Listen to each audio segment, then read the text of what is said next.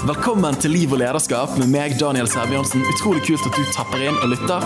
Podkasten der alt handler om å inspirere til sterke liv og store lederskap i Jesus etterfølgelse. Så gjør deg klar til å lytte og lære, så du kan leve og lede enda bedre.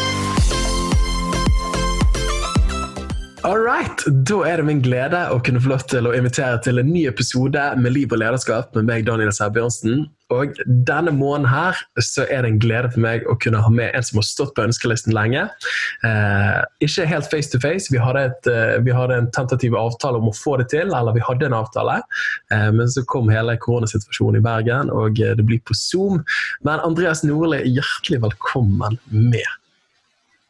Tusen takk. Du fikk ikke lov til å komme til Bergen, stemmer det? Du, det er helt riktig. Bergen er jo favorittbyen i, min i Norge. Og eh, Det er jo alltid, alltid, eh, trist å ikke komme til Bergen, men eh, når kona sier nei og korona sier nei, så er det best å være lydig. Helt sant. Det er to K-er der. Kone og korona. Det er to sterke, sterke kort. Det er helt riktig. Men du Andreas, eh, helt til å begynne med, for eh, en hel del kjenner helt sikkert til deg, men det er også sikkert en del som lytter inn her som ikke kjenner deg for godt. Men kan du gi oss en liten sånn innføring bare i hvor gammel er du, hvor er du født, hvor er du oppvokst? Litt rundt der. Ja, jeg er født i 75, så da er jeg 45 år. Og har, eh, har jobba i Ungdom i oppdrag siden jeg var 19, mer eller mindre. Og jeg kommer fra et lite sted eh, på, i Møre og Romsdal som heter for Sunndalsøra. Så Det er jo det fineste stedet. Eh, det er jo ikke by, da, så det når ikke, men eh, hadde det vært by, så ville det vært by nummer én. Men det er jo så lite at det er ikke langt ifra by. Så der er jeg født og oppvokst, og eh, bor i dag på Hamar. På Grimerud gård, som er Ungdom i oppdrag sitt hovedsenter i Norge. Ja. Gift med Åsne og fem barn. Fem barn? Yes, Det gjorde godt. Så nå vet vi hvordan det virker. Hva er alderen på disse barna, da? Du, De er spredt utover. Eh, eldste er 22, og yngste er 8 15. Så har vi tre jenter i midten. da. Begynte med en gutt og slutta med en gutt. Og så har vi tre tenåringsjenter i midten. Så det er skikkelig, skikkelig mye drama hjemme hos oss. Ja, det tror jeg på. Så man snakker rett og slett et spenn på 14 år. Stemmer det? hvis jeg eh, regner Ja, det stemmer det, ja. Ja, det må jeg si, altså. altså jeg, eh, før jeg giftet meg, jeg og Helene, og når vi ble gift, så hadde liksom intensjonen min var fem barn. da. Eh, nå har vi fått to, eh, og jeg kjenner på en måte at idealismen møter noen sterke stikk av realisme. Eh, men hvordan klarte du på en måte å jeg vet ikke, Hadde dere et mål om mange barn, eller bare ble Nei, vi hadde et mål om tre. Og så skjer det jo mirakler, vet du. Og da blir det jo ble det to til. Jeg har et par gode historier om det, men jeg vet ikke om de er for offentlighet. Vi kan ta dem på privaten, kanskje. Du, la oss gjøre det. Det er vel herlig. Um, oh, men uh, du sier at du har vært i UiO siden du var 19 år gammel. Vi kommer tilbake til hva UiO er for noe. Men har du noe utdannelse av noe slag? Nei, jeg har ikke noe formell utdannelse. Jeg har, jeg har, jeg har noen, eh, det som kaltes for vekttall. Nå heter det på studiepoeng med kristendom på, fra NLA, men jeg fullførte aldri noe. Misjonsbefalingen var jo viktigere, vet du. Så, så da måtte vi jo ut istedenfor å sitte på skolebenken. Ja. I dag så tenker jeg kanskje litt annerledes om det, men, eh, men sånn, sånn ble det, da. Hadde ikke tid til å ta utdannelse uten at vi skulle frelse mennesker. Nei, jeg kjenner igjen eh, hjerteholdningen. Eh, men nå, hvis jeg ikke tar feil, har ikke, har ikke liksom UiO og HLT er det en, en, liten sånn avtale at folk som går på DTS eller er UiO, kan studere på HLT i tillegg? Eller har jeg fått med meg feil? Jo, Det er sånn omtrentlig rett. i hvert fall. Vi, vi har et mm. samarbeid med HLT som gjør at folk som jobber i Ungdom i oppdrag, kan ta praksisen sin, og så studere på HLT og få praksisen sin i Ungdom i oppdrag. Og så er det jo at en del kurs i Ungdom i oppdrag kan i enkelte tilfeller eh, gi eh, studiepoeng på HLT. Mm. Så det er en annen åpenhet for eh, studier enn kanskje i tidligere generasjoner? Ja, i hvert fall jeg tenker annerledes som studier i dag enn hva jeg gjorde for eh, da jeg var ung og ja, Jeg skulle si dum, men jeg var ikke dum, men uh, ung og ikke så ja, hadde ikke forstått så masse ting da. Mm. Så pleier jeg alltid å ha et litt sånn artig spørsmål, eh, så jeg tenkte Andreas, hva spørsmål skal jeg ha til deg? Men så, så slo det meg. Eh, hvilken musikksjanger føler du beskriver ditt liv best? Oi, oi, oi, oi, oi, oi. Jeg, eh, jeg tenker, Umiddelbart så tenker jeg på to musikksjangre. Det ene er 80-talls heavy rock. Oi. Da er det masse glam og fest og party. Men kanskje, kanskje, kanskje sånn samtidsjazz er like, like bra. For da er det sånn helt Jeg kan være litt sånn spontan og gjøre ting som ikke er nødvendigvis gjennomtenkt. Mm. Så, da, så kanskje jazzmusikk og 80-tallsrock. kombinasjon. Herlig kombinasjon. Det, men Er du musikalsk, eller spiller du instrument eller har gjort noe slikt? Ja, jeg kunne ha blitt musiker, hadde villet, ja. Men ja. Eh, kona mi er jo musiker. Eh, hun har jo reist turnert Europa rundt. Hun driver jo med sånn folkemusikk slash jazzmusikk slash eh, samtidsmusikk. Så ja. Så jeg har det jo litt fra hennes side, da. Eh, men, eh, men, eh, men jeg kunne ha drevet med musikk på mm. fullt eller på roft hvis jeg hadde hatt ambisjoner og vært motivert for det. Ja. Nei, men Spennende. Da har du sikkert reflektert litt mer rundt musikksjangre enn de fleste andre. Så det var rett mann å stille spørsmålet. Du Andreas, eh, Når vi møter kristne ledere, eh, og når vi møter mennesker som følger Jesus i helhet, og egentlig alle mennesker, så får man alltid et inntrykk eh, som man ser her og nå.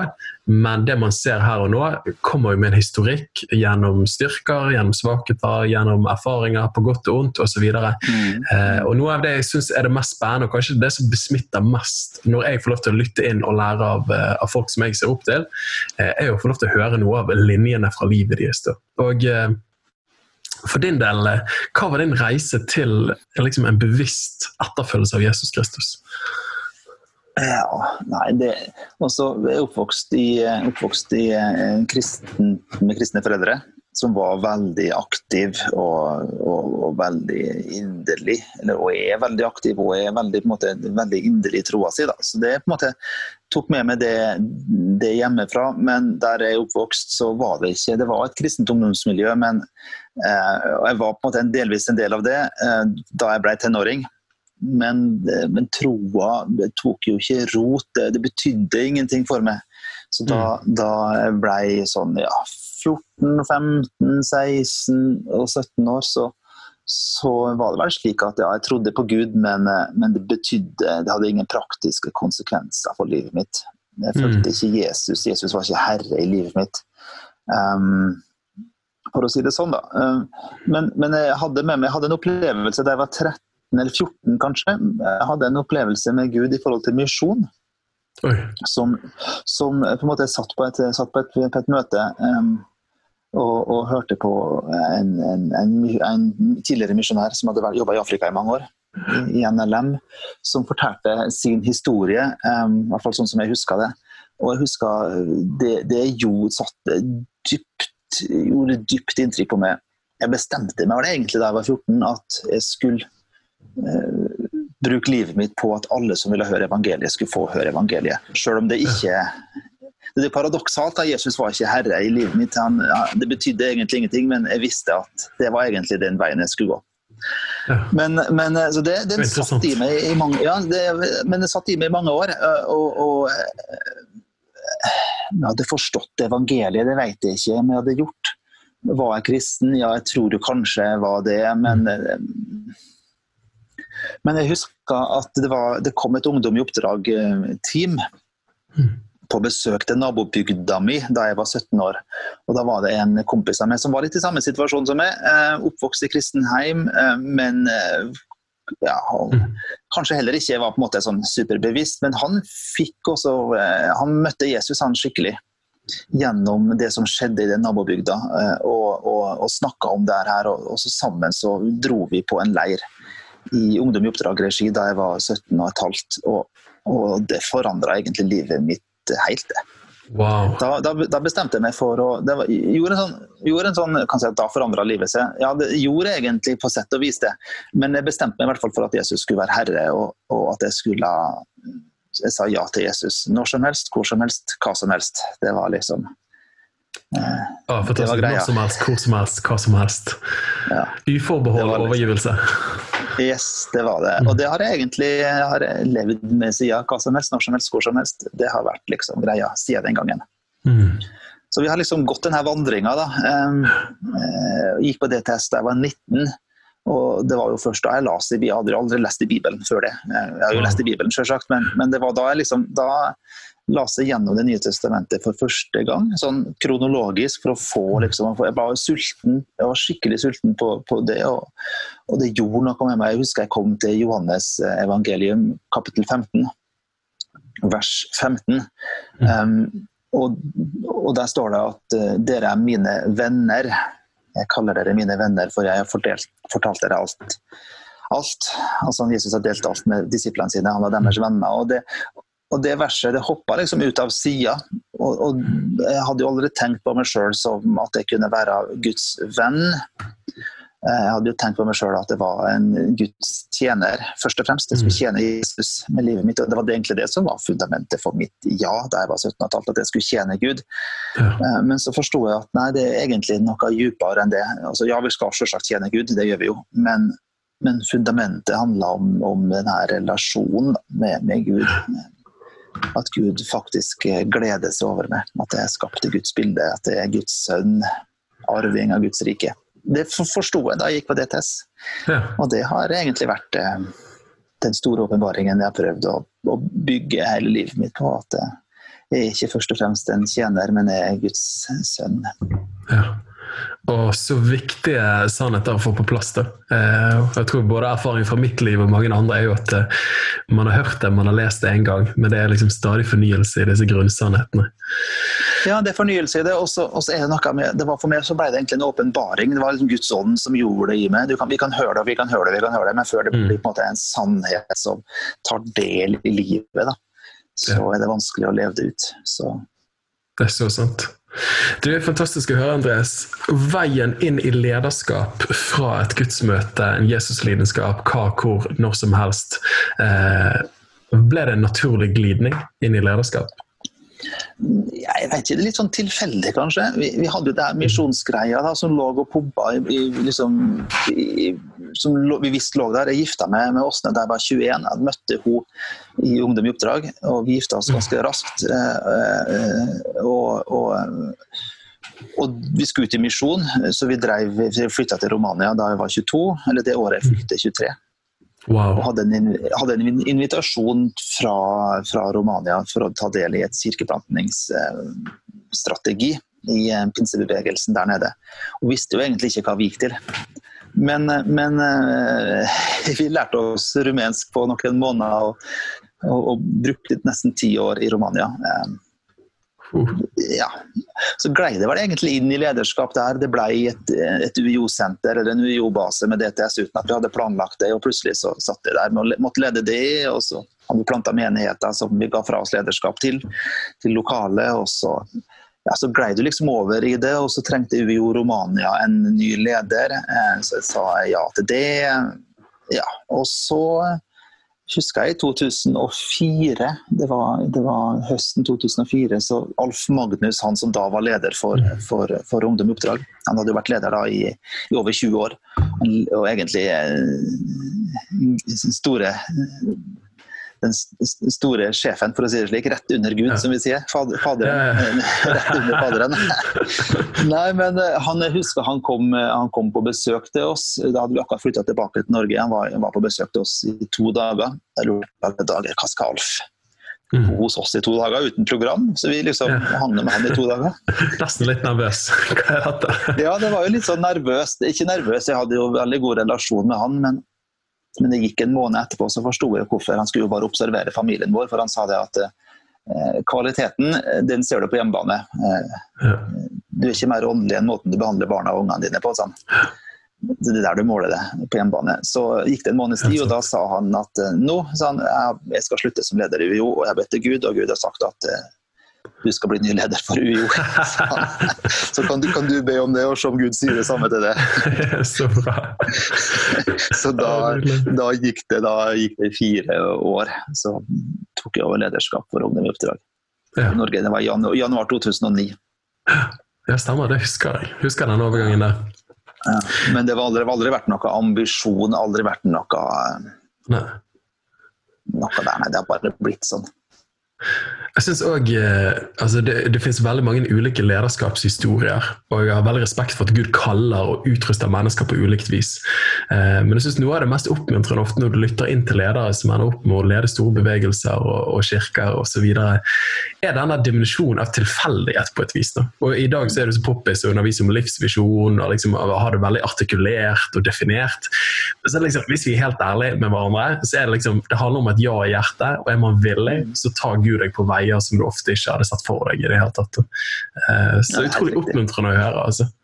Uh, og så skal vi være vise og vi skal planlegge, men til syvende og sist, life happens, og ikke minst Gud òg happens. Uh, ja, det er helt riktig. Hadde jeg vært ti år eldre, så hadde ikke jeg blitt leder for Ungdom Oppdrag, for da ville jeg jo alt vært det. Mm. Så, så, det er på en måte en, og, og, For min del også var det jo slik at da jeg gikk på DTS, så var det at jeg sa ja til Gud. Så, men jeg kjente også på at det var ikke bare kall til misjon, men det var like mye et kall til organisasjonen Ungdom i oppdrag. Jeg hadde en mm. sånn følelse av at her, her, skal vi være resten av livet. Ja. Eh, som, som noen, noen, da har.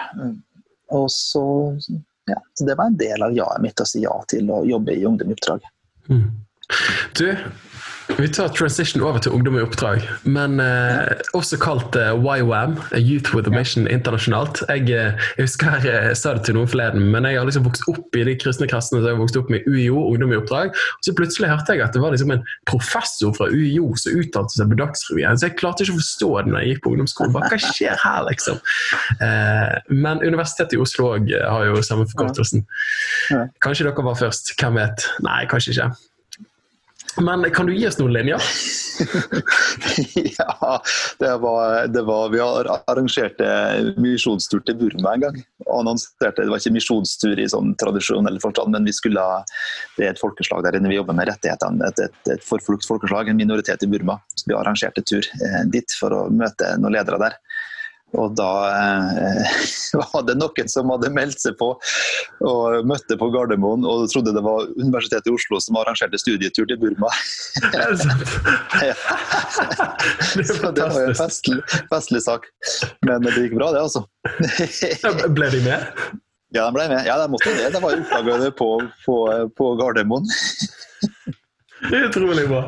De hadde jo flybilletter, alt var bestilt. Og ja da, så fint det. Det var jo, ikke, det var jo, det var jo mer en, mer en, en, en rekognosering, mer en som blir kjent studietur. da. Ja. Det var jo en liten gruppe som reiste, jeg tror det var en sju-åtte stykker. ah, magisk. og jobba mer med rettighetsspørsmål enn misjon. Men eh, sånn er det. Nei da, nei, men du er ikke den eneste som har lurt på det. Men vi prøver da å, å ikke si UiO så veldig masse, fordi at vi sier heller ungdom i oppdrag for å unngå akkurat den biten der. Mm. Men Ungdom i oppdrag er jo en bevegelse like mye som en organisasjon. Starta i 1960 i USA, egentlig med at en ung person i begynnelsen av 20-åra som heter for Lauren Cunningham, hadde en drøm i 1956 hvor han så et verdenskart, og så så han hvordan bølgene på verden, verdenskartet uh, ble gjort om til unge mennesker, tenåringer som mm. reiste fra alle verdens land til alle verdens land og delte evangeliet på gata, kafeer og, og overalt. Så den historien om den, den drømmen uh, har jo på mange måter blitt virkelighet, fordi at vi har arbeid i, i 190 pluss, altså permanent arbeid i over 190 land. Såpass, og eh, så den siste oversikten, og så er det 204 nasjonaliteter, eller 204 ulike pass i ungdom som jobber i, i YWAM. Ja. det har jo blitt en global bevegelse. Jeg vet dere hvor mange som er på en måte stab? Eh, eller liksom Nei. globalt? Ja, Det er ingen som vet nøyaktig, men det anslås mellom 20 000 og 25 000 som er fulltidsstab. Um, det er det som er anslaget. Og så anslås det tre-fire millioner kanskje som har vært innom Ungdom i oppdrag på, på misjonstur eller gått på bibelskole. Ja. Så det er på en måte anslagene, men det er jo ingen som vet, vet du. Nei, nei, nei. så, det, så vi, vi kutta jo ut for noen år siden så kutta vi jo ut ledernivået internasjonalt. Ja. Så det nasjonale ledere liksom, det, det, det, det, finnes nesten heller ikke nasjonale ledere lenger. Det er jo noen få land som har det. Men ja. det er vi kutta ut fordi at vi ønsker å være bevegelse mer enn organisasjon. Ja, Så da handler det på en måte mer eh, om eh, hva skal jeg si, uformell posisjon, da, i den forstand? Ja. ja uformell posisjon. Ja, relasjon, visjon, verdier. Ja. ja. Som binder sammen. Så klart at Det er jo, det er jo en interessant bevegelse. Da. Ganske mangfoldig. eh, Som i enkelte land er katolsk, faktisk. Og i andre land Er er, da ja, evangelisk. Ja. Så, så drar du til Polen, f.eks., så vil Ungdom i oppdrag være uh, katolsk. Samme i, i Slovakia, så er det polsk. Ja. Så vi har, eh, vi har hatt katolske DTS-ledere i Norge. Nei, spennende. Spennende. Men hva er hovedkallet, hvis du skulle liksom summert ned nerven, liksom eh, grunnleggende nåden som dere opplever Gud har betrodd dere? Ja, jeg tror, jeg tror eh, altså, Mottoet vårt er å kjenne Gud og gjøre Gud kjent. Jeg tror det Mm. jeg egentlig sier alt sammen. Det handler om å kjenne Gud. Det handler om å bli kjent med Han. Eh, Det kan vi jo aldri helt bli fullt og helt nå, men vi kan vokse i det. Og så handler det om å gjøre Gud kjent, hvem han er, til så mange som mulig. Men ikke bare, ikke bare personer, men òg at, at, at Guds rike skal komme på, eh, i, på på sam, Det skal prege samfunnet vårt. Da. Mm. Slik at, at det er like legitimt å, å på en måte være misjonær som det å være på en måte journalist, hvis du vil det, eller lærer. Mm. Det er en like, like legitim del av, av misjonsoppdraget. Uh, Mm. Så, så nei, men så er det unge mennesker. Vi, vi, vi, vi har jo flere fra Norge, det er flere hundre som reiser på misjonstur hvert år. Ja, det er fantastisk. Så det er på en måte Vi har jo Vi, vi sier jo at Mens mange andre i Norge sier at tida for norske misjon, eller norske misjonærer er i stor grad over, så tror vi det motsatte. Vi vil jo sende ut enda flere nordmenn i misjon, særlig til folkeslag og storbyer i Europa. Så Det er jo på en måte, så det handler jo om misjon, unnådde folkeslag, at evangeliet alle, alle mennesker har rett til å høre evangeliet. og Så må de selv bestemme hva de vil gjøre med det. Men, men det en rett, jeg tenker at det er et rettighetsspørsmål Wow. verdens beste nyheter må alle mennesker få høre. Og, og, ja, så det er på en måte. Altså, jeg, eh, jeg tror jeg på en måte, i hvert fall fra det ståstedet jeg kommer fra, så UiO har alltid liksom hatt en veldig høy stjerne, både fra når man var på familieleirer når man var små, er liksom mor og far som liksom snakker veldig varmt om denne organisasjonen. Og jeg tror noe av det rike ved UiO, i hvert fall i norsk lavkirkelighet og, og frikirkelighet, er på en måte at det er litt sånn allemannseie. Det er, liksom, det er ikke liksom satt i en bås, men pga. det sterke misjonsfokuset så har det appell inn i misjonsorganisasjonene, lavkirkeligheten, men òg pga. offensiviteten og evangelikale teologien så frikirkeligheten kobler med det. Det synes jeg er bare det er bare noe litt sånn her rått, usminket, ekte do the stuff-greie over UiO eller Ungdom i oppdrag, da, som, eh, som jeg tror er utrolig verdifullt. Uh, ja. Ja, takk for det. Når dere eh, Jeg kjenner jo historien litt. Grann, eh, Alf Magnus, Geir Edvin Frøen, kan det stemme? Mm, Eh. Geir Edvin Frøen er min medarbeider. Det stemmer. Du tenker kanskje på hans far og hans onkel, Eivind Frøen og Jan Helge Frøen. Og når de eh, i sin tid, Jesusvekkelsen, ungdom i oppdrag, eh, begynner å bane vei i Norge, i forlengelsen av Lauren Cunningham, det som skjer globalt, det er en offensiv bevegelse, eh, man, prøver, man gjør eh, utradisjonelle metoder for å nå ut osv. Som regel når man studerer bevegelser, så ser man at de har liksom moment til å begynne med, og så når de på en måte piken, og så går de over i nostalgifasen, og til slutt dør de. da. Ungdom i oppdrag virker jo ikke å ha kommet der. Kanskje tvert imot, at på en måte det fortsatt er moment. da. Eh, hvordan har bevegelsen forandret seg fra opphavet til der dere er i dag? Åh, hvor lang tid har vi? Ja, nei, Vi har ikke altfor lang tid. nei, nei men, men du har helt rett. Det var jo Jesusvekkelsen på 70-tallet som ga ungdom i oppdrag i Norge Busen Vi ble jo starta i 72 i Norge, og da var det jo på en måte unge mennesker, og det var radikalt. og det var det skjedde jo i en kontekst, og, og klart at da var det på en måte i etterdønningene av 60, 1968. Og, så det ble på en måte ut, det kristne uttrykket for, for 68-bevegelsen på mange måter. Eh, Og så, men jeg tror, jeg tror at, eh, at, årsaken til at, at Ungdom i oppdrag ikke døde eh, med jappetida da, på begynnelsen av 80-tallet og midten av 80-tallet, som mange andre bevegelser fra den tida gjorde, eh, jeg tror det handla om rett og slett at den har bevart lederskap i mange år. Alf Magnus har stått som leder i mange år. Lauren Cunningham er jo fortsatt han er jo hvor gammel er han? Er 84 eller noe sånt, eh, og er fortsatt helt sentral i Ungdom i oppdrag, selv om han ikke bærer formelt lederskap lenger. Så er han jo på en måte eh, Sammen med Alf og bærer ikke formelt lederskap, eh, men, men han er jo, jobber jo i Ungdom i oppdrag, han er 75 år. 76 år, og jobber i Ungdom i oppdrag og på en måte er med. Da. Så vi har klart å kombinere, få generasjonene til å stå sammen. Jeg tror det er en av årsakene til at vi fikk det til. Da. At ikke det døde, at det ikke ble en døgnflue. Men at det er bærekraftig i det. Eh, at det er på en måte en gjennomtenkt generasjonskultur. Mm, mm. Som ivaretar, ivaretar, unge mennesker og mellomgenerasjonen som er sjøl, og, og Alf sin generasjon som er hakket over. Mm. Så eh, jeg tror det er en av årsakene. Og så er det bærekraft i, i, i, modellen, tror jeg. I verdiene eh, mm. som, som, ligger i bånn. Eh, og så tror jeg også at vi, vi har en sånn greie på at vi, vi, vi, tror på kortsiktige resultat. Men vi vet at det er det langsiktige resultatet som det er bærekraftig. Ja. Så det ligger liksom i oss at vi sier ofte at vi, kan, vi må ikke overvurdere hva vi kan få til på ett år, men vi må heller ikke undervurdere hva vi kan få til på ti. Mm. Ja, Det er bra sagt, altså. Jeg syns eh, særlig interessant det du sier om en generasjonskultur. Eh, og Nå kommer vi til å snakke litt mer om det, ungdommer og lederskap. Eh, men, eh, men, det å skape en kultur der det er rom for de ulike generasjonene, men òg spille på lag med styrkene som finnes der, eh, som da gjør at det er mulig å være ung og idealistisk, men bevare lidenskapen, men å se at den modnes over i mellomgenerasjonen, sånn som du sier. da. Nei, Nydelig. nydelig. Jeg ble minnet på Øyvind Augland, eh, en god venn av deg og meg. Men han snakker alltid om denne pil, generasjonspilen sin. Mm, mm, eh, jeg vet ikke alltid om han er helt presis, men i, i de store og det hele, liksom spissen foran, brodden ungdommen. Store pinnen mellom momentet, eh, mellomgenerasjonen og så styrefjærene bak de eldre, de som har vist om erfaring. Mm, mm. Egentlig et glitrende bilde. Det har jo han lært i Ungdom i oppdrag. Det er, ja, det er vårt, eh, vårt bilde, det. Er det sant? Han har ikke kreditert det til dere, men, men. Nei, det er, det, det er, fordi at det er allemannseie. Ja. Ja, nydelig. Du, vi har nødt til å snakke om uh, misjon, eh, Andreas. og Det er virkelig en av de tingene som jeg har lyst til å snakke med deg om. Nå vet jeg at vi begge to skal være en del av, forhåpentligvis, hvis korona ikke hisser seg opp, en misjonskonferanse her i Bergen snart. Mm jeg leser nå, Personlig så leser jeg biografien om Ludvig Hope. Eh, en av ja. det Åh, jeg blir så berørt.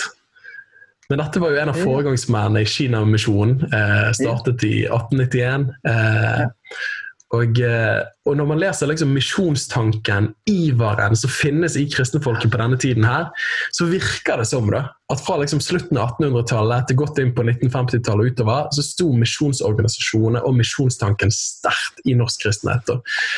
Den nøden og hasten med at, eh, at evangeliet må ut, og egentlig arven av moderne misjonsbevegelsen med William Kerry osv. Eh, men hvis jeg er ærlig når jeg reiser rundt og preker, og når jeg møter andre ungdomsledere og pastorer og kollegaer Hvor er denne misjonsnøden som vi leser om tidligere? Fra Saronsdal til Indremisjonsland. Du skjønner hva jeg mener? Jeg skjønner veldig godt hva du mener. Og det, ja, det er riktig det. Og det er jo, paradoksalt da, at i 1891, da NLM ble starta, så var jo Norge hadde jo ikke frihet engang. Vi var jo under svenskekongen. Vi var på en måte Norges eh, Europas kanskje fattigste land. Eh, og det var fattigdom, og alle ville jo reise til Amerika. Det var jo ikke snakk om å reise østover, det var snakk om å reise vestover. I den konteksten med fattigdom og en bevegelse til Amerika, så var det likevel en motkultur som var basert i Guds kall. som eh, eh De skulle til Kina, skulle til, til Sør-Afrika, skulle til India. Eh, Santal, Santalmisjonen eh, hadde jo sin oppstart i, i de åra der. Det var jo på en voldsom bevegelse som egentlig starta i Norge 50-60 eh, år tidligere, med, med kvinneforeningene. Um, hadde, jo, hadde, jo, hadde, jo, på en måte inspirasjon fra Tyskland og, og grev Sinsendorf fra den lille byen Herrenhut. Mm. Som, og det var jo enorme mengder kvinner som var med i kvinneforeninga utover 1800-tallet. Den første kvinneforeninga ble starta i Lyngdal av ei prestefrue. Um, og klart at det, det, ble jo en grasrotbevegelse. og Sosiologer og historikere sier jo at det er jo en av de tre store motkulturene i Norge. Det var på en måte, det var avholdskulturen, mm. eh, og så var det, var det nynorskforkjemperne, og så var det misjonsfolket. Det var liksom tre store motkulturene i Norge.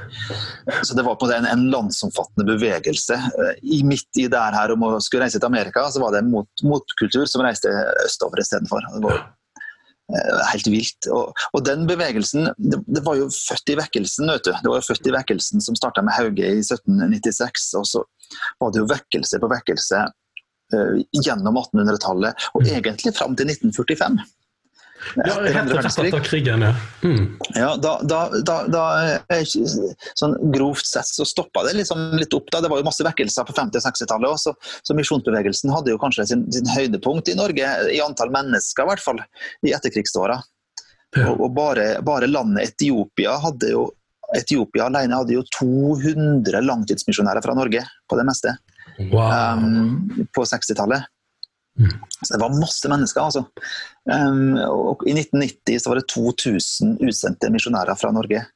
Um, og i dag er vi ja. 1990, ja. Så det, på en måte, det, det fortsatte. og utover også, Men klart at i dag så er det, er det en litt annen situasjon. og Det henger sammen med den åndelige, åndelige situasjonen i landet vårt òg, tror jeg. Ja. At det, på en måte, det, Vi har ikke opplevd noe stor tilstrømning av mennesker til kirke og bedehus de siste årene. Det har ikke vært vekkelser. Det har ikke vært på en måte det er liksom nedadgående, sånn sakte, men sikkert mange plasser, med enkelte unntak, selvsagt.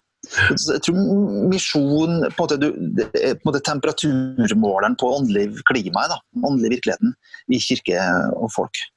tenker jeg da. Bra sagt. Bra sagt at eh, misjonsiver på en måte termometer eh, ja. på den åndelige situasjonen i landet. Ja, ja jeg, tror, jeg, tror, det er ganske, ganske sånn forenkla, selvsagt. Men, ja, men bra sagt. Det gir jo mening. I hvert fall når du ser typen til Sør-Korea og andre steder der det er vekkelse og fornyelse. Ja, ja.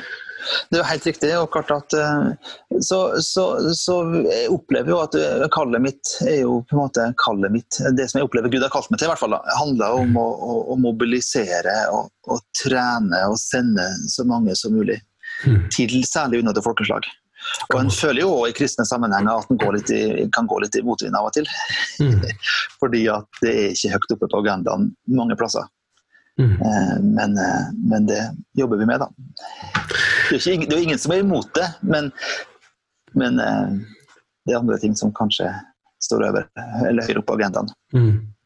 Ja, for det er jo ikke til å komme unna, sånn som du sier, at uh, En ting er den åndelige temperaturen i nasjonen, uh, men òg på en måte samfunnet vårt er på et vis mer komplekst i dag. og Det er mange forventninger og normer osv. Det var jo det da òg. Jeg tror ofte så fordummer vi fortiden og sier at alt var så mye yes. enklere da. Uh, men, det det eh, Nei, det, det, var det ikke.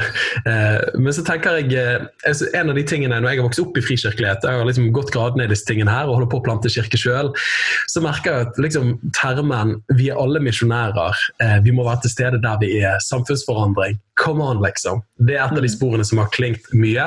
Men ytremisjon, når jeg tenker etter i mitt liv, hvor mange prekener, og ikke minst hvor mange konferanser har jeg vært en del av der pushet har vært liksom ytremisjon. Vi må sende folk til nasjonene. Altså Det virker nesten som nostalgi på en måte fra en annen tid. Eh, hvorfor trenger vi ytremisjon fortsatt, Andreas? Nei, altså, Teologisk sett så er vi alle misjonærer, for vi er alle sendt. Mm. Men jeg mener jo det at vi må ha et begrep som dekker kun den tverrkulturelle sendelsen. Selv om vi mm. er alle sendt til verden. Slik som Faderen sendte meg, slik sender jeg dere, sier Jesus i 20, Johannes 2021.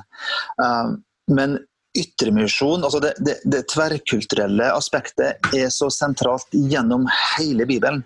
Mm. Derfor mener jeg at vi trenger et, et, begrep som er på en måte eksklusivt for den, ja, for den tverrkulturelle sendelsen. Og, og, det har jo vært misjon i Norge. Eh, så Derfor så mener jeg at det faktisk er litt problematisk at vi sier at ja, alle er misjonærer. Mm. Ja da, alle er vi sendt.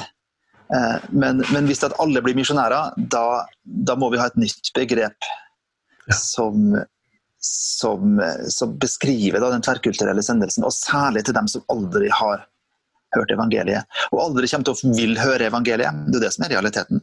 Mm. Vi vil aldri høre evangeliet om ikke noen reiser dit og formidler eh, verdens beste nyheter. Ah, så bra. Så, bra. så det, er noe, det, er noe, med at uh, Guds hjerte Men det handler om et, et sånn eskatologisk, som det heter på, i teologien, da, et, et, også om, om, Jesu gjenkomst. Vi tror jo på Jesu gjenkomst. Vi vet ikke mm. når det skal skje. Og vi vet ikke hvordan det skal skje, og vi vet ikke hvordan den nye himmel og den nye jord skal se ut. Men vi tror på det. Ja. Men, men, men, det som, så, som, går som en rød tråd gjennom hele Bibelen, er at oppdraget må fullføres først. Og, og Jesus sier jo at når, når, evangeliet om Guds rike har blitt formidla eh, til hele verden for, som et vitnesbyrd for alle folkeslag, da, da skal denne tidsalder ta slutt.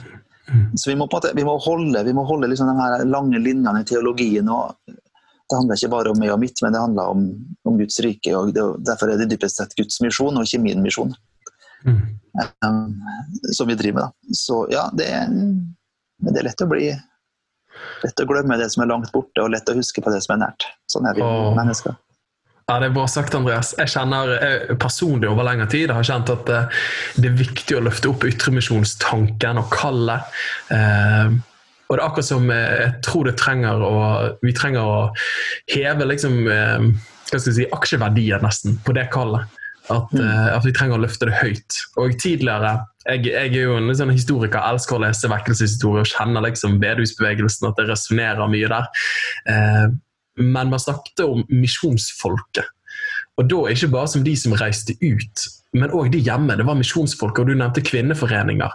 Men selv om kvinnene oppe på Sula på Sunnmøre ikke kunne dra ut i misjon, så satt de og strikte sine fingre til senebetennelse for å samle inn penger gjennom basar, åresalg, for at vi kunne støtte misjonærene der ute. Da. At det var et samspill, et partnerskap mellom de der ute, vi her hjemme, og henspeiler til liksom Davids historie at eh, når noen av mennene hans går ut og kriger, så fikk de som var tilbake, fikk del i samme lønn. Det var til oss, og ikke bare de og, og vi. da. Eh, mm. hvordan kan vi få tilbake noe av det der samspillet, misjonsidentiteten, til de, vi som er her hjemme òg? Ja, du hadde hatt svaret på det, så skulle jeg gjort det. Det er, det, vi, det jo det vi drømmer om Det er det vi drømmer om her, eh, rett og slett. At det skal skje. Og jeg opplever jo at det skjer jeg opplever at det, det, er jo på en måte eh, Det er jo slik at når jeg besøker jo en god del menigheter og sammenhenger eh, hvert, hvert, år altså rundt omkring, eh, så er jeg jo rundt omkring i Norge. og Jeg opplever jo det at når jeg formidler det kallet, eh, ikke bare til å kalle til å gå, men også kalle til å støtte, Mm. At vi er alle kalt til å være med å oppfylle misjonsbefalingen, så, så, gir det jo gjenklang. Det gjør jo det. Og, eh, så, så, jeg vil jo ikke si at det, det er helt, helt mørkt. Jeg opplever det her samspillet. Eh, du har jo NLM for eksempel, som, Norges, eller som blir omtalt som Nord-Europas største misjonsorganisasjon. Det er voldsomt misjonstrykk der. Og I pinsebevegelsen også er det jo på en måte en veldig, veldig misjonsiver rundt omkring. Så, så, så, jeg opplever at det er Men klart at det var, det var, litt annerledes før, og det var tydeligere før. Men det var også for at det var et annet klima. Det åndelige klima, da. Det var en åndelig, vi var jo på en måte vekkelsestid før. Eh, mm. Når du snakker om Ludvig Hope, når han samla full, full Nidarosdom i Trondheim første gang jeg var i Trondheim og skulle forkynne evangeliet, Ludvig Hope, så, så, var det jo mange som kom for at han hadde så artig dialekt, sies det, og hadde og sto i vadmelsbukse og forkynte. Men, men, det var jo på en måte, det var vekkelsestid ja. Eh, da Ludvig Hope holdt på på, på begynnelsen av 1900-tallet. Helt sant. Nei, åh, spennende. Måtte vi se en ny bevegelse i vårt land mm. som leder til uh, misjon. Mm. Stemmer det at vi i Norge sendte ut flest misjonærer eh, per innbygger fram til midten av 80-tallet, eller noe slikt? Ja, det stemmer det. Jeg har, ikke, jeg har jeg prøvd å undersøke, det er noe som ofte blir sagt, men, men, det virker som at det faktisk er sant, ja. Fram til ca. 1990. Ja. Så det, eller fram mot 1990 i hvert fall. Så det, det er det som blir sagt. Interessant i dag er jo at det landet i verden som har flest misjonærer i dag, per antall ikke per innbygger, men per antall aktiv kristen, mm. det er jo Mongolia. Eh, og Mongolia hadde jo ingen kjente kristne før 1990. Oi. Så i løpet av 30 år da, så har Mongolia snudd fra å ha null kjente kristne til å bli det landet i verden med flest misjonærer. Utsendte misjonærer per aktive kristne. Så det, det, har liksom snudd seg litt. da. Men det henger jo sammen. Mongolia har jo opplevd vekkelse, så det henger jo sammen, gjerne. Nigeria for eksempel, opplevde vekkelse. Brasil voldsomme vekkelser. Sør-Korea det samme. Og Brasil og Sør-Korea eh, Nigeria er jo stormaktene i dagens misjon, globalt sett. Det er spennende, og det er noe med at liksom, eller misjonsdynamikken dynamikken og momentet det flytter seg sørover istedenfor nordover, ja. der det tradisjonelt har vært. Det leder litt over på neste. Ja. ja, nei, fortsett. Nei, jeg skulle si at Før var jo misjon fra, fra, til, fra, Vesten til resten. Nå er det jo fra alle til alle. Ja. Så Norge er jo blitt et misjonsmottakerland, samtidig som vi er et misjonssendeland. Og sånn er det med alle verdens land. har blitt. Mm. Det er misjonærer i alle verdens land. Jeg tror alle verdens land har også sendt misjonærer. Mm. Ja, det er Bra sagt. bra sagt. Og eh, du, du har jo privilegiet å få lov til å reise en del. Du er en internasjonal bevegelse eh, som har på en måte følere ute de fleste land. Hvis det var 190 nasjoner man var i UiO, med fast arbeid. Eh, hvordan leser du liksom, det åndelige klimaet, eh, atmosfæren i Europa da særlig, eh, men òg gjerne fra et større makroperspektiv når du ser på verden? Altså, verden er jo annerledes enn Vest-Europa. Fordi at Vi som bor i Norge, vi tror jo gjerne at, eh, at, det går nedover overalt. Men det gjør jo ikke det. Det går jo tvert imot det går veldig fort framover rundt omkring i verden med evangeliet. Eh, evangeliet går fram som det aldri har gjort før. Det blir flere mennesker kristne i verden i dag enn noen gang i historien per innbygger. Så Det er på en måte det er antall bibeloversettelser, f.eks. Nyspråk som får Bibelen, har jo, ekstremt bratt, bratt vekstkurve. Så globalt sett så er det på en måte voldsomt positivt. Mm. Eh, og så har du da en annen situasjon i Vest-Europa. eh, men også en annen situasjon kanskje i den vestlige verden generelt. Da. USA ligger jo det kan litt, litt bedre enn i Norge, men Australia, New Zealand, Vest-Europa er noe av det samme. Det går liksom det, ikke, det går feil vei, da. Mm, mm. Men, men, det er jo masse håpstegn. da. Tar du Europa, f.eks., så er det særlig to håpstegn jeg ser. Eh, det ene er, er innvandrere. Um, at innvandrere eh, altså, eh, representerer en, en, en brann og en bønnekultur mm. som vi definitivt trenger å lære av. Og, og det er jo så mange, mange, innvandrere som går til kirke. Mm. Så Det er på det ene håpet. Andre håpet er rett og slett tenker den katolske kirke. Det, Oi, liksom, det må du utdype. Ja, fordi at det er, Den katolske kirke er kjempestor, og, og, den er ikke sekularisert på samme måte som den protestantiske kirke.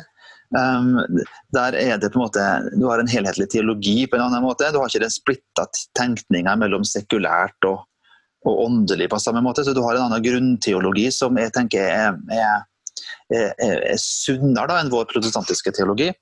Uh, og så er det veldig mange mennesker. Um, og, og, mens i folkekirketanken da, i Norge for eksempel, så, så er, jo, er, det 80% eller 75% som er medlemmer i folkekirken, mens bare en bitte liten andel er aktive ja. Mens i den katolske kirke så er bildet annerledes. Der er det på en måte også en sånn folkekirketanke, men veldig mange som er aktive. Så kirka ja. spiller en annen rolle. Og, og, og, det har jo vært store vekkelser også i den katolske kirke, karismatiske vekkelser i den katolske kirke. Um, så Jeg husker jeg, jeg satt og snakka med, med, med, med, biskopen i Krakow i Polen for et par år siden, og, og ble egentlig totalt overraska uh, over måten de tenker på, og måten de driver misjon på. Og, og, så det er på en måte veldig, Jeg har veldig tro på den katolske kirke da, i Europa, i hvert fall den, den levende delen av den. Jeg tror wow. det representerer et stort håpstegn, som kanskje ikke vi er like opptatt av. Eller som vi kanskje ikke ser. da. Det der var veldig interessant, Andreas. Det, det, så jeg ikke helt komme. Men jeg tror noe av det er jo at man gjerne har noen karikaturer av Den katolske kirke som nesten dateres mer til reformasjonen. Og så har vi ikke relasjoner til dem, og så lever ikke vi i kontakt med dem. Eh, men når du faktisk møter mennesker og hjerter som brenner, så er det et annet bilde. Ja, altså er Det vanskelig å snakke om den katolske kirke som en enhet, for den, er, den har en helt annen kirkesyn uh, enn oss, men som er utrolig mer mangfoldig. da. Uh, så Det er liksom feil å snakke om den katolske kirke, vi kan like gjerne snakke om en strømning i den katolske kirke. Ja. Så. Men spennende å høre om de to eh, lyspunktene i Europa, eh, med en økende sekularisme, men òg liksom, resten kommer til Vesten, da, for å bruke det begrepet. Og at de bærer med seg noe av den vekkelseselen som vi en gang hadde her. Men ikke minst den katolske kirke, at det finnes et åndsliv, den karismatiske vekkelsen der, hvis jeg har hørt riktig tall. man snakker liksom er det oppunder 300 millioner eh, katolikker globalt som har vært i berøring med noe karismatisk. eller noe sånt. Litt usikker. Ja, det, det, er helt umulig å vite tallene, men i Polen, i Polen så snakka den uh, katolske biskopen i Krakow hvert fall om en, mellom to og tre millioner alene i Polen som var mm. aktive, karismatiske katolikker. Ja. Det er spennende, altså.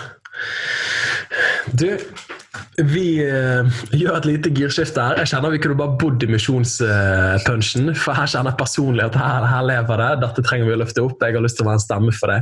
Uh, og tenker ikke minst også alle som lytter inn og som er, står i posisjon av å ha innflytelse innenfor kristenheten. Men å, virkelig be Gud om å utvide våre hjerter når det kommer til misjon, sånn at hans hjertesak blir vår hjertesak òg. Oh. Men lederskap, Andreas. Ungdommer Eh, du er en del av eh, Ungdom i oppdrag, YWAM. Eh, og sånn som du sier, En av kjennetegnene ved bevegelsen er masse unge mennesker. Det har vært i søkelyset særlig i Norge og norsk kristenhet, de siste årene. Men der det er mye ungdommer, så er det mye idealisme. Ikke alltid like mye livserfaring. Store visjoner. Mulighetene og utfordringer som man møter på her, og som du har møtt på som leder for denne organisasjonen i Norge. Det er riktig, det. det er, um, når du har et stort seil, så trenger du jo en dyp kjøl. Mm. Så hvis ikke du har en dyp kjøl på båten, så kullseiler du når det blir litt vind. Um, så det er på en måte utfordringa vi står i. Um, og vi har jo historie vi fra Ungdom i oppdrag og mennesker som har brent, og som har brent seg ut. Mm. Det er på en måte en del av, uh, del av, vår historie, det. Det er en del av vår såre og vonde historie. Um, Sånn, sånn, vil det alltid være. Sånn vil det alltid være på en måte, der det er på en måte eh, Hva skal du si uh, Unge mennesker som brenner for noe. Mm. Men det er derfor vi trenger generasjonene sammen. Oh, så, uh, ja, det det, vet du. Så, men vi har nok vokst, vi òg, i modenhet de siste 20 åra. Definitivt. Mm. Mm. Det betyr ikke at alt er perfekt hos oss, men, men vi har prøvd å ta noen grep, i hvert fall. Ja. Vi hadde jo For en del år siden i Norge så hadde vi den frelsdebatten, eh, mm. som man kan si mye om. Eh, og det er helt eh, uten tvil ting som blir framstilt som gjerne ikke blir framstilt sånn som det egentlig helt var. Men uansett, det sitter søkelyset på, på noe som er viktig, nemlig lederskap i møte med unge mennesker. Jeg vet at dere gjorde en eh, undersøkelse, intern gransking, bare for å snakke med tidligere eh, arbeidere. Vil du bare dele litt om hva dere gjorde, og funnet deres? Ja, klart at Frelsesdebatten den handla ikke om ungdom i oppdrag i utgangspunktet. Um, men, men vi, vi, vi, tenkte at Frelsesdebatten gir oss en mulighet til å, å, komme i kontakt med mennesker som har litt overlast hos oss. Da. Så vi, vi tok, noen tok noen grep i, altså i avisa og sa kom og snakk med oss, dere som har litt overlast hos oss. Vi vil gjerne høre historien deres. Mm. var det ikke så veldig mange som tok kontakt med oss. Uh, noen, veldig, noen få var det, men, men eh, og det var helst fra 70-tallet, faktisk, og, og, litt på 80-tallet, mm. men veldig få fra, fra 2000 og utover. Så det tolka vi jo positivt, da. Men så, men så, så eh, engasjerte vi òg det som før kaltes for Høgskolen Diakonova, som nå er en del av VID-systemet. Hvor det var to forskere der som fikk eh, som intervjua 150 tidligere stab. Oi. Fra ulike tidsepoker fra 2000 og utover. Mm. Hvor, hvor, de fikk eh, granske oss. Da. Og vi ville, vi ville, gjerne ha et utenfra-blikk på vår organisasjonskultur. Og vi hadde definert noen spørsmål som vi ønska å ha svar på. Og, og, og, og VID, eller Diakonova, da, som de heter før, konkluderte med at vi har en, en, kultur som er sunn og god, men vi har noen utfordringer. Mm. Så, så, det må vi ta tak i. Eh, så det har vi prøvd å gjøre da, så godt som vi kan. Så, så, de sa at vi har en god kultur, men en, en, en, pregende kultur. En kultur som preger mennesker for resten av livet. Um, den sa òg at 80 eh, av tidligere stab hos oss er aktivt engasjert i kirke og misjon etter at de slutta i ungdomsoppdrag. Ja, det er jo fantastisk. Ja, så det er bra. 94 regner seg sjøl som, som, aktive kristne. Um, så det er på en måte høye tall, da. Det, det sier noe om uh, at vi har i hvert fall lyktes med noe. ja. Men husker du sa noe når vi var sammen forrige uke, så sa du noe om eh, på en måte at stillingsbeskrivelsen er ikke det samme som visjonen. Ja. Kan du bare utdype det litt? For jeg syns det var bra sagt. Ja, ja fordi vi, vi, har gjerne vi har stor visjon. Vi, mm. har, vi skal gi evangeliet til alle. Og så Hvis du da er 21 år og tenker at ja, nå skal jeg gi to år, så er to år det er nesten resten av livet ditt når du er 19 år. Mm. Og så eh, etter to år da, så har ikke evangeliet kommet alle. slik at det da er fort at Når du legger lista høyt, så kan du fort fallet kan bli stort. så Derfor er det viktig at vi må skille mellom jobben min, hva jeg gjør, hva er ansvaret mitt, og det som er den store visjonen.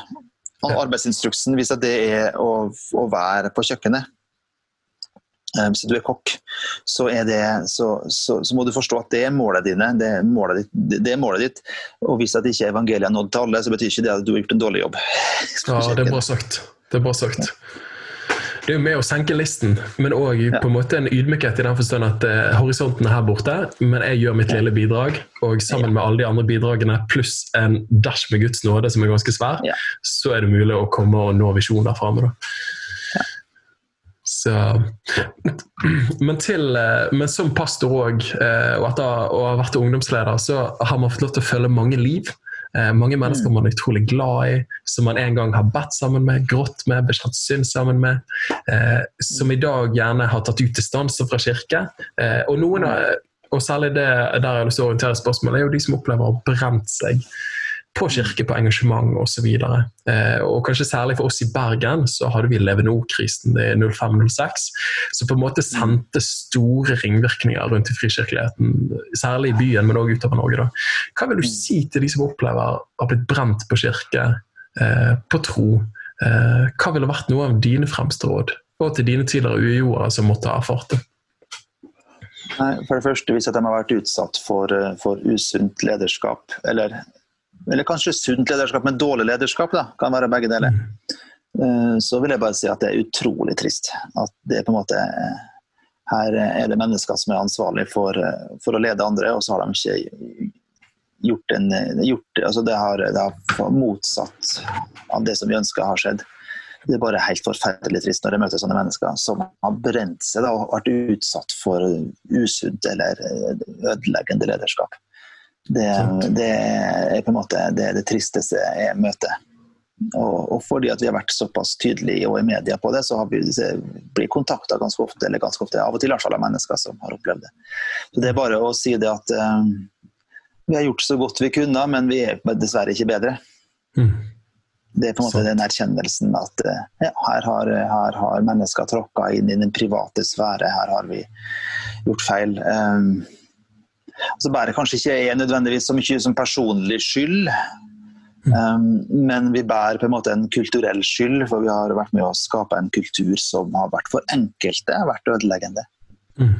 Og da er det på en måte bare å si sorry, altså. Uh, og, og ja. Det er ikke noe. Altså, det er på en måte det, det, er det jeg har å si. Og til folk som har mista troa si, uh, brenner seg ut pga. det, så tenker jeg at eh, det som jeg prøver å si, at ja, Gud, Gud, han, Gud har ikke forandra seg. Mm. Gud er fremdeles like glad i det. Mm. Gud er like, like en stor del av, av virkeligheten, selv om ikke du tror på den eller ikke. Så, Så har ikke sannheten objektivt sett har ikke forandra seg. Mm. Ja. Og så handler det om å gi mennesker nåde og ikke noe press. Og ikke noe unødvendige forventninger. Jeg tror jo Ofte så setter vi opp en sånn diktomi mellom, eh, mellom kirke og Gud. Eh, og vi som representerer han og den han er. Eh, nå går jo de sammen, men, men heldigvis er Gud bedre enn de av oss som prøver å representere han. Eh, for vi gjør det stykkevis og delt. Eh. Men på et eller annet vis så, så eh, henger Kristus og hans kropp eh, sammen da, i sin ufullkommenhet. Eh, og der inviteres vi til å møte Gud. Mm. Helt riktig. Mm, helt riktig. Da du Andreas, vi går, eh, vi går snart inn for landing her, men eh, det er noen spørsmål eh, som jeg kjente på at dette har jeg lyst til å, bare, Dette må jeg få ut av Andreas når jeg først har han med her. Når du ser tilbake på dine år i lederskap, som etter hvert begynner å bli noen år, du er født i 75, eh, 45 år gammel, hva vil du si er noen av de fremste lærdommene som du tar med deg som leder? Oi, oi, oi. Nei, men jeg, jeg tenker det at uh, selv om lederskap er veldig viktig, så har jeg lært meg det at, uh, at uh, ledere er aldri uunnværlige. Mm. Um, jeg, kan, jeg, må, jeg må passe på at det, det er ikke slik at alltid jeg må være til stede. Jeg må ikke alltid være på jobb. Jeg kan, jeg kan, om jeg ikke får svart på den e-posten som jeg burde ha svart på, så, så går det greit. Mm. um, så jeg, på en måte, jeg, må, jeg, jeg senker forventningene til meg sjøl, da. Det, det har jeg lært meg. Og så har jeg lært meg utrolig viktig å ta fri. Mm. Å koble av, passe på at jeg har, jeg har minst én fridag i uka som er helt fri. Det lever jeg etter. Eh, det jeg har lært meg, jeg har lært meg til det at det er utrolig viktig å, å lese Guds ord for egen del. At jeg har på en måte rytme på, på bønn og Bibel. Som ikke handler om tjeneste, det handler kun om, kun om meg sjøl. Mm. Jeg liksom, Det er kanskje den viktigste lærdommen jeg har lest. Det er viktig med strategi og mål og, og hensikt og alt sånt, men det er faktisk det hakket ned også, i forhold til viktighet. Det viktigste er at det er sammenheng mellom livet mitt, gudslivet mitt, familien min. At jeg, kan, jeg, UN, jeg, altså jeg, jeg trenger ikke være til stede alltid, ta meg fri når jeg trenger det. Ja. Det har kanskje vært det viktigste. Altså Deilige lederskapstips. Jeg synes jeg ofte, i hvert fall i en litt sånn kunnskapskultur, så kommer liksom 21 lover av lederskap. Bam, bam, bam, liksom. Eh, Nei, det liksom tror jeg på. ja. Det tror du ikke på. liksom, husk å ta fri. Eh, du er ikke uunnværlig.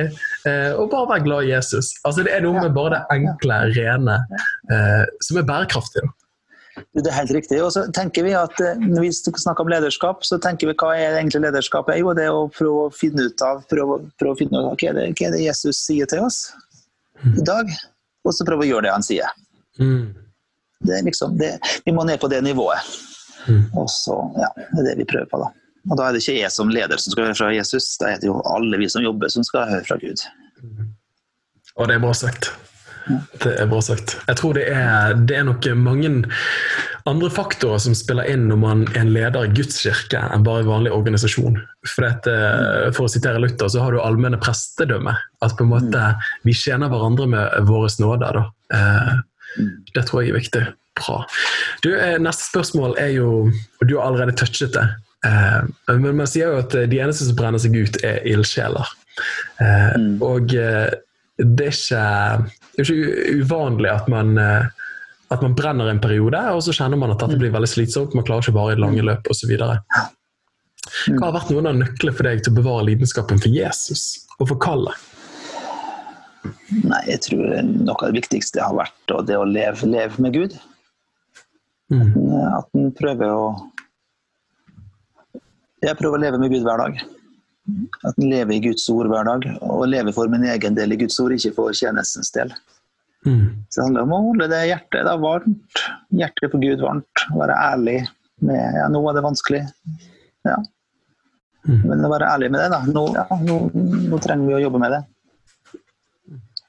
Så ja. Nei, jeg tror det måte har vært det viktigste for min del. Ja, fantastisk. Og eh, Siste spørsmål. Familieliv, tjenesteliv. Eh, det er jo ikke uten friksjonspunkter. Har dere alltid mestret det veldig bra? Nei, det har vi aldri mestra veldig bra. Altså, vi, mestrer, vi mestrer det bedre nå enn hva vi gjorde for Eller jeg mestrer det bedre nå enn hva jeg gjorde for 15 år siden. er bra sagt. Eh, vi vokser i det å lære. Men vi har f.eks. regler på antall reisedøgn i måneden. For eksempel. Mm. Jeg har ikke lov til å reise mer enn så og så masse. Har, har, regler på antall timer søvn, f.eks. Så det er ganske sånn regelstyrt, da. men, men, men da, da, går det regler på at prioriteringa er viktig. Men, men du får nesten spørre barna mine. Jeg tror de er den beste referansen på det. Vi får kjøre en podkast om noen år der vi spør dem. Ja. Det er kanskje litt den smertefulle summen av våre liv som ofte kommer 10-20-30 år ned i veien. Men, ja, men det, eh, som, det som kona mi sier, at Andreas, hadde du vært journalist eller hadde du vært advokat eller politiker, så hadde du jobba like mye da òg. Ja. det tror jeg på. Så, nei, men Andreas, dette her har vært en treat. Eh, siste spørsmålet som jeg alltid pleier å stille. For de som lytter inn, hva ville vært ditt fremste råd eh, for å leve et sterkt liv og ha et stort lederskap som betyr, betyr noe for mange andre? Ja, er, da gjør jeg det veldig ufancy. Da er det rett og slett å leve, leve hver dag i Guds ord for din egen del. Pass på at du får lest i Guds ord hver dag, men ikke bare at du får lest, men, du får, men pass på å gjøre det som står hver dag. Mm. At du hører og gjør det. Og tenk, tenk, at det er de små tingene i hver dag som betyr noe, og ikke de store tingene. Mm. Bra sagt. Bra sagt.